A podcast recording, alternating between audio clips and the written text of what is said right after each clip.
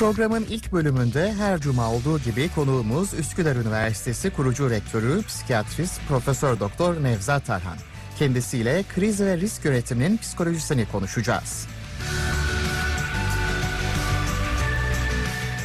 Programın ikinci bölümünde ise diyetisyen Derya Zümbülcen konuğumuz olacak. Fermente ürünlerin sağlığımız açısından önemini konuşacağız. Hazırsanız ailece başlıyor.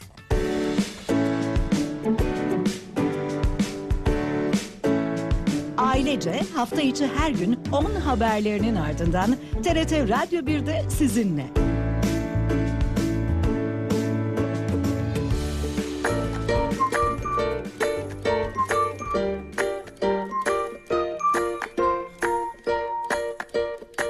Nevzat Tarhan'la Hayata Dair. Her cuma olduğu gibi bugün de ilk konuğumuz Üsküdar Üniversitesi kurucu rektörü, psikiyatrist Profesör Doktor Nevzat Tarhan. Kendisiyle bugün kriz ve risk yönetiminin psikolojisini konuşacağız. Hoş geldiniz Sayın Tarhan, günaydın. Günaydın e, Güray Bey. iyi yayınlar diliyorum. Teşekkür ediyoruz. E, kriz ve risk yönetimini konuşalım istedik bugün de. Evet. Özellikle aileden başlayalım, toplumun temel taşı. Aile içinde krize sebep olabilecek durumlar neler oluyor genelde Sayın Tarhan? Tabii. Krizden e, önce tabii aile içerisindeki kriz, e, sosyal kriz, doğal afet vesaire gibi konular girmeden önce e, krizle ilgili ne anladığımız çok önemli. Yani kriz e, insanın böyle e, alışılmış düzenini bozan, dengeleri bozan durumlara genellikle kriz, kriz diyoruz. Bu psikolojik olarak da olabilir. Rutinini bozan bütün olaylar, problem çözmekte zorlandığı bütün olaylar birer kriz gibi oluyor. Yani kriz, krizlerde olumlu yönü var bir de olumsuz yönü var krizlerin. İşte Hı hı. iki yönlüdür krizler. Böyle durumlarda o kriz durumunda e, krizle ilgili öncüller vardır. O öncülleri görmek çok önemli. E, ve krizle ilgili kriz planının olup olmaması önemli. Herhangi bir kriz olursa ne yapacağıyla ilgili kişinin önceden hazırlıklı olup eğitiminin olup olmaması önemli. Krizler şuna benzer. Hayat zincire benzerse o zincirin gerildiği zaman zincir en güçlü yeri o zincirin en kuvvetli yeri en zayıf halkasıdır. Oradan kırılır. E, krizlerde de genellikle kırılmalar, dağılmalar, bozulmalar en zayıf halkadan olur. Kişi bunu önceden bilir, onunla ilgili önlem alırsa krize karşı hazırlıklı olur. Krizi de daha kolay, daha rahat yönetir. Yani krizdeki en önemli şey kişinin ne yapacağını bilmemesi duygusudur krizde. Bu kontrolü kaybetme duygusu yaşamasıdır kişinin. Yani normal bir arabayla giderken mesela bir, süratle gidiyorsunuz arabayla 150 ile gidiyorsunuz. Direksiyonu hakimiyeti kaybederseniz ne hissedersiniz? Ciddi bir panik hissedilir. İşte kriz anında kişi de böyle bir ruh hali yapıyor.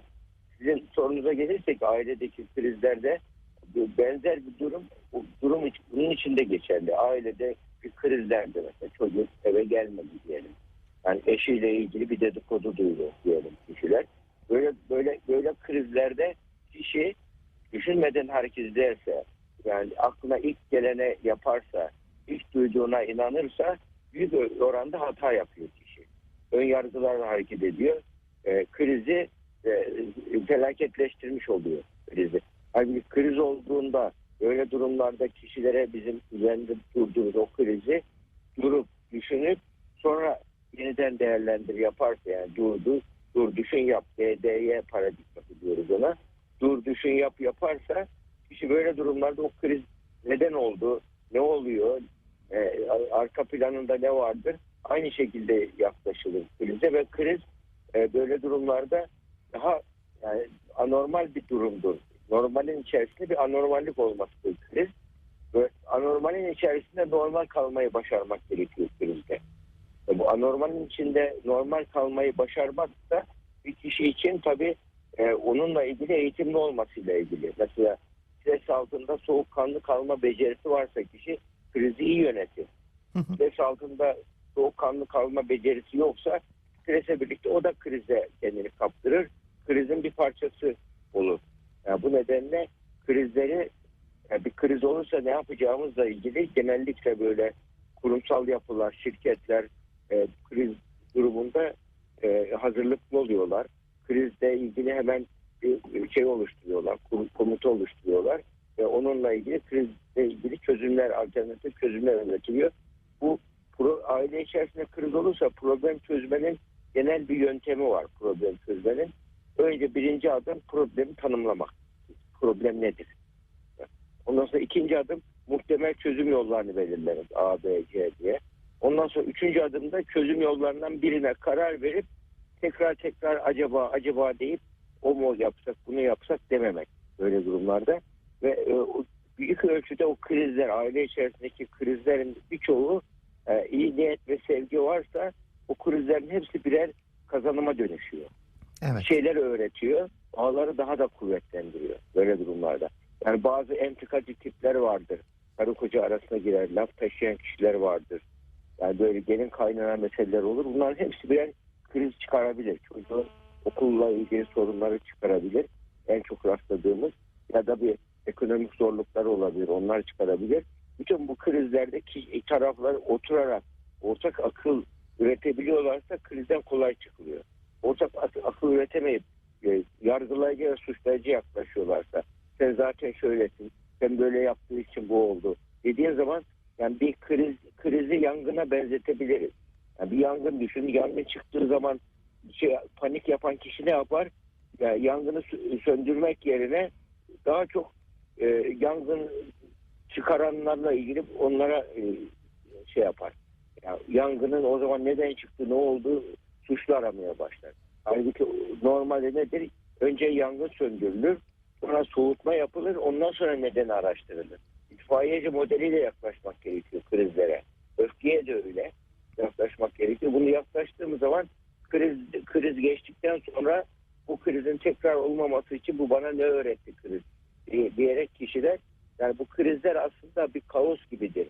Kaoslar yani bir mükemmelin bir parçasıdır insanı geliştirmeye doğru iter. Yani krizler yani stabilize olmuş düzeni destabilize eder, yani dezorganize eder kişileri yani organize işleyen bir sistemi.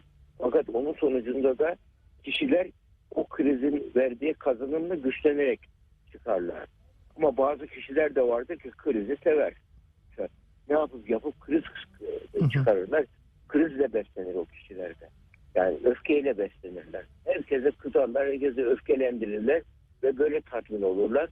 Böyle kişilerle de tabii ilişki kurma, onları yönetmek de ayrı bir teknik gerekiyor. Çoğu zaman böyle durumlarda profesyonel yardım almak gerekiyor. Böyle bazı kişiler gerilim çıkarır, karşı tarafı aciz hissettirir ve kontrol bende der. Böyle şeyler narsistik kişilik olanlar vardır. Ellerinde sembolik bir bıçak vardır. Bu bıçakla seni yaralar, sen işe yaramazsın, ben olmazsam sen bir hiçsin, sen e, seni e, zaten ben olmasam kimse sana değer vermez der. Karşı tarafın özgüvenini kırar. Ama en sonunda şöyle der. Ben bunu bütün bunları senin için söylüyorum der. Yani onun efendi köle ilişkisi için o kriz çıkarır kendine bağlar. Yani bu tarzdaki e, yaklaşan kişiler de vardır, metotlar vardır. Tabii bu- yani konuya bu gözle bakan bir kimse oyuna gelmez böyle durumlarda. Onun için aile içerisinde de kişilik yapısıyla da çok ilgili bu. Yani kişilik yapısı tarafların. Ama bütün iş burada sihirli kelime iyi niyet ve e, iletişimin devam etmesi. Yani bu iletişim devam ederse, konuşulabiliyorsa, ortak akıl varsa aile içerisindeki iletişimde e, üç, e, üç iletişim var. Biri sağlıklı iletişim. Problem çıkar, oturulur, konuşulur, beraber çözüm verilir. Dolayısıyla kişiler bunu e, buradan e, krizi doğru yönetirler. Büyük bir büyümeden kriz soğukkanlı bir şekilde aşılır. Ama diğer şeyde e, böyle çatışmalı e, iletişim vardır ki ufak bir olay olduğu zaman evde tabaklar fırlar. Herkes birbirini e, böyle e, suçlar, yargılar ve gittikçe yıpranır ilişki yıpranır, ilişki yıpranır. Bu, bu tarzdaki ilişkiler de e, şeyler ilişki e, böyle e, hasarlı ilişki olur. De diğeri de iletişimsizliktir. Aslında en kötüsü bu üçüncüsü. İletişimsizlik. Yani iletişimsizlikte kişiler e, böyle artık oturup konuşamıyorlardır bunlar birbirlerine.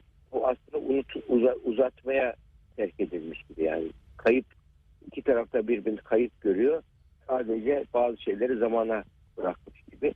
Bu tarz e, ilişkilerde de e, genellikle bizim rastladığımız e, e, en çok üzerinde durulan bu tarz ilişkilerde e, ortak ilgi alanlarını buluyoruz. Ortak böyle e, birbirlerinin e, olumsuz yönden ilişki kurmak yerine olumlu yönlerini görüp kişilerin onun üzerinden ilişki kurmak konusunda adımlar attırıyoruz ve bu şekilde şey e, ilişki kurmaya sağlıyoruz. Yani onu onu yapabilirsek aile içerisinde iletişimde de sağlıklı bir iletişim, sağlıksız iletişim, sağlıklı iletişime dönebilir. Bunun için bir kriz kelimesinin hani bir olumlu yönü, bir iyi yönü, bir kötü yönü var demiştik ya. Bunu Çin, Çince e, tehlike kelimesinin e, arkasında iki şey var. Tehlike kelimesi onun Çince biliyorsun sembolik bir dil. E, iki e, sembolün birleşmesinden ortaya çıkmış tehlike. Biri e, tehdit sembolü, diğeri de fırsat sembolü. Hı hı. Tehdit ve fırsat. Yani her olayda bir tehdit boyutu var. Yani denge bozulacak, birçok şey kaybedeceğim. Ama diğer taraftan da fırsat boyutu da var. Onun için krizi fırsata çevirebilmek bir şey gerekir. Ciddi bir şekilde hazırlık gerekir. Çok krizi. Mesela şu anda Covid krizi oldu küresel olarak.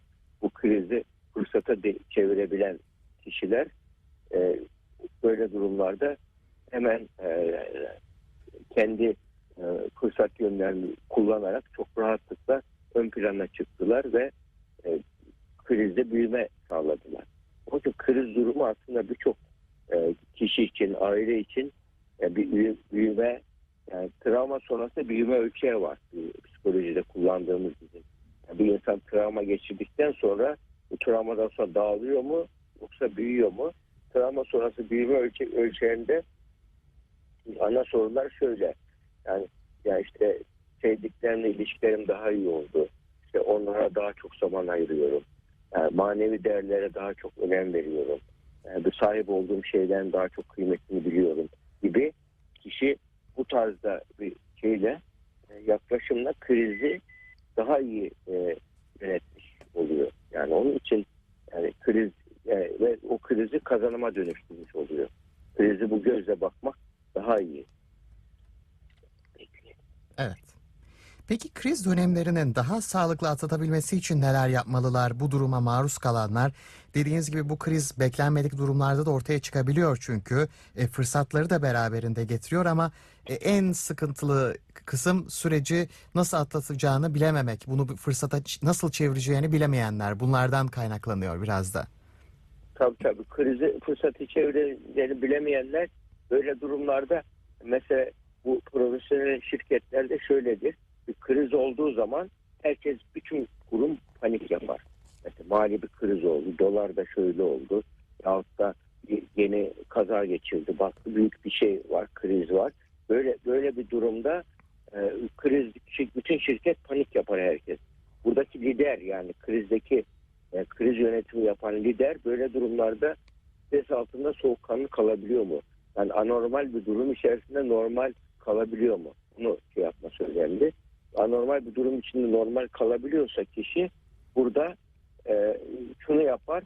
O krizle ilgili hemen birkaç kişi görevlendirir. Onlar onların şu, işi şu anda krizi analiz edip e, analiz edip daha sonra o krizle ilgili e, o kişi e, bir şey yapabilmesi. Yani plan yapması ve ona göre adımlar atması. Diğer insanlar da şöyle der. Ya bir kriz çıktı ama bak bizim liderimiz güvenli bir liderlik gösterdi. Krizle ilgilenen bir ekip var. Kriz planı var. Afet yönetimi gibi var. Onlar bunun için gerekli yapıyorlar der. Onlar da kendi rutinlerinden kopmazlar. O için krizde rutinden kopmadan bunu yapabilmek önemli. Rutinden koptuğu zaman kişi böyle durumlarda herkes krizi büyütmüş oluruz. Hani trafikte vardır ya yolun bir tarafında kaza olur. Ya yolun karşısında hiçbir şey yok. Orada orada da trafik tıkanır. Niye? Merak duygusuyla, yavaşlayıp bakma duygusuyla. Yani insanlar krizle ilgili ve negatif şeyleri pozitif şeylerden daha kolay algılıyor insan beyni. Bu, bu özellik nedeniyle kriz krizde yaşam kalım dürtüsü olduğu için insanın e, negatif şeylere karşı da tehdide dağılmaya karşı daha duyarlı. İsterseniz yaratışlı yaratılıştan öyle. E, bu, bu, bu nedenle kriz konusunda da orantısız tepki vermek önemli olan krizde. Orantısız tepki vermeyen bir kimse e, o krizi daha kolay aşar, rahat, daha rahat aşar. E, bunu e, göz önüne almak gerekiyor krizinde. Mesela krizden önce böyle hepimiz bir ev bir evlilik hayatı demek krizler olması demek. Krizsiz evlilik olmaz. Mümkün değil. Tabii. Doğal da değil. Doğru da değil zaten. O iki farklı insan, iki farklı ortamda yetişmiş bir insan. Bunlar bir araya geliyorlar. Birdenbire ortak bir hayat kurmaya çalışıyorlar. Muhakkak altın orta nokta kuralı var. Bir adım bir yaratacak, bir adım bir yaratacak. Orta noktada buluşulacak.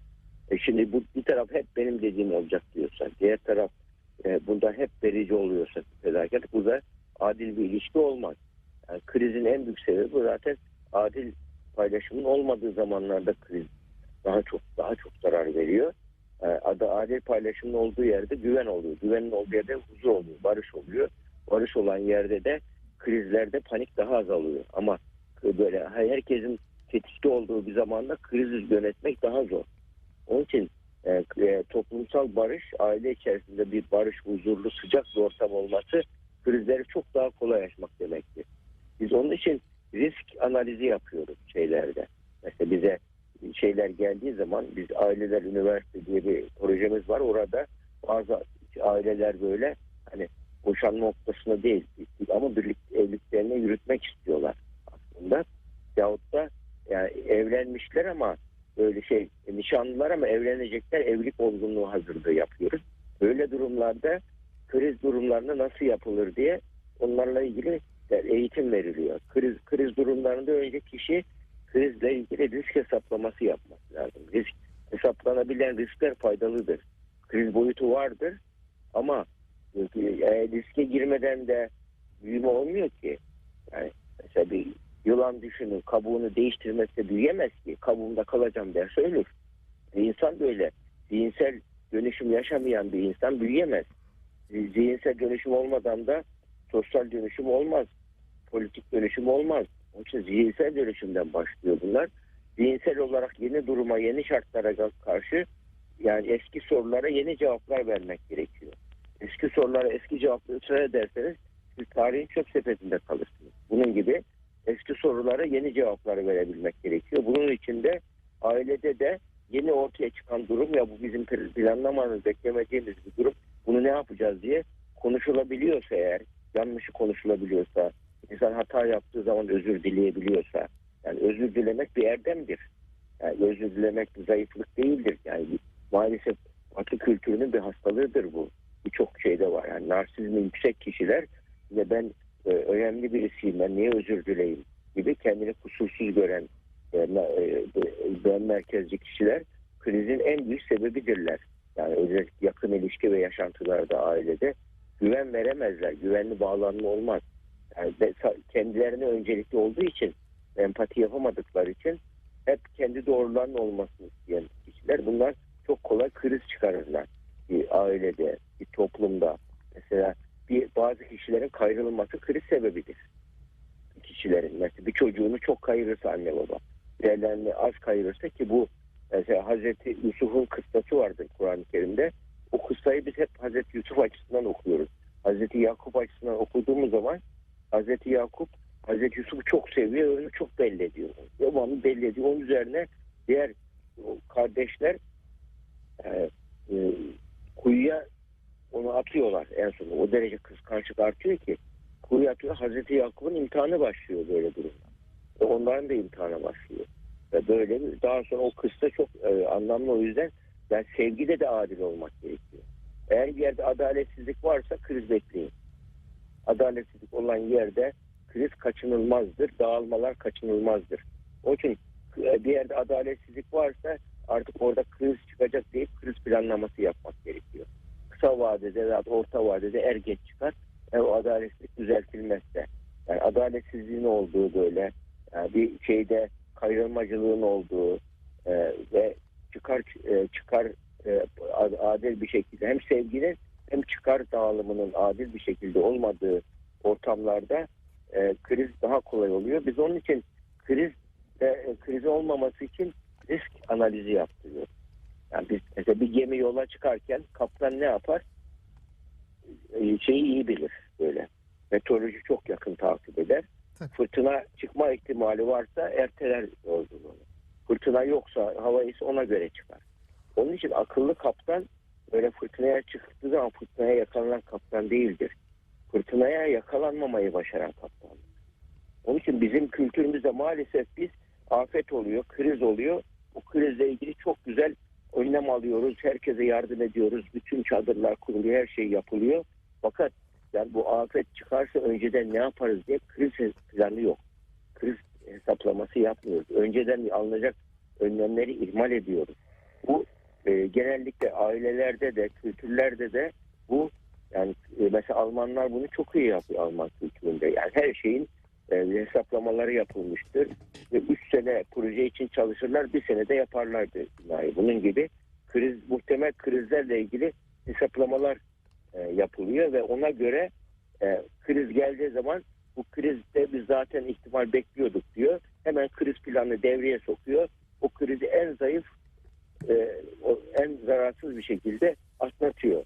Ve oradan da bazı şeyler güçleniyor. Hatta şu var, bu e, ben hani sık sık vurguladığım bir şeydir. Lorenz e, e, Lorenz diye bir meteorolog var. O bilgisayarla şey yaparken, e, bilgisayarla uğraşırken e, özellikle bir e, meteoroloji tahmini yapıyor. 1950'li yıllarda yanılmıyorsam. Meteoroloji tahmini yaparken e, bir e, kahve molası veriyor. Geliyor ki bütün yaptığı bi- bilgiler karma kaos olmuş. O kaostan sonra eyvah diyor bütün bilgiye gitti ama artık oldu bundan sonrasını takip edeyim diyor. Kaostan sonraki bakıyor ki ihtimal hesapları çok daha iyi. Onun üzerine bu e, şeyin e, bazen kaoslar mükemmelin bir parçasıdır diyor.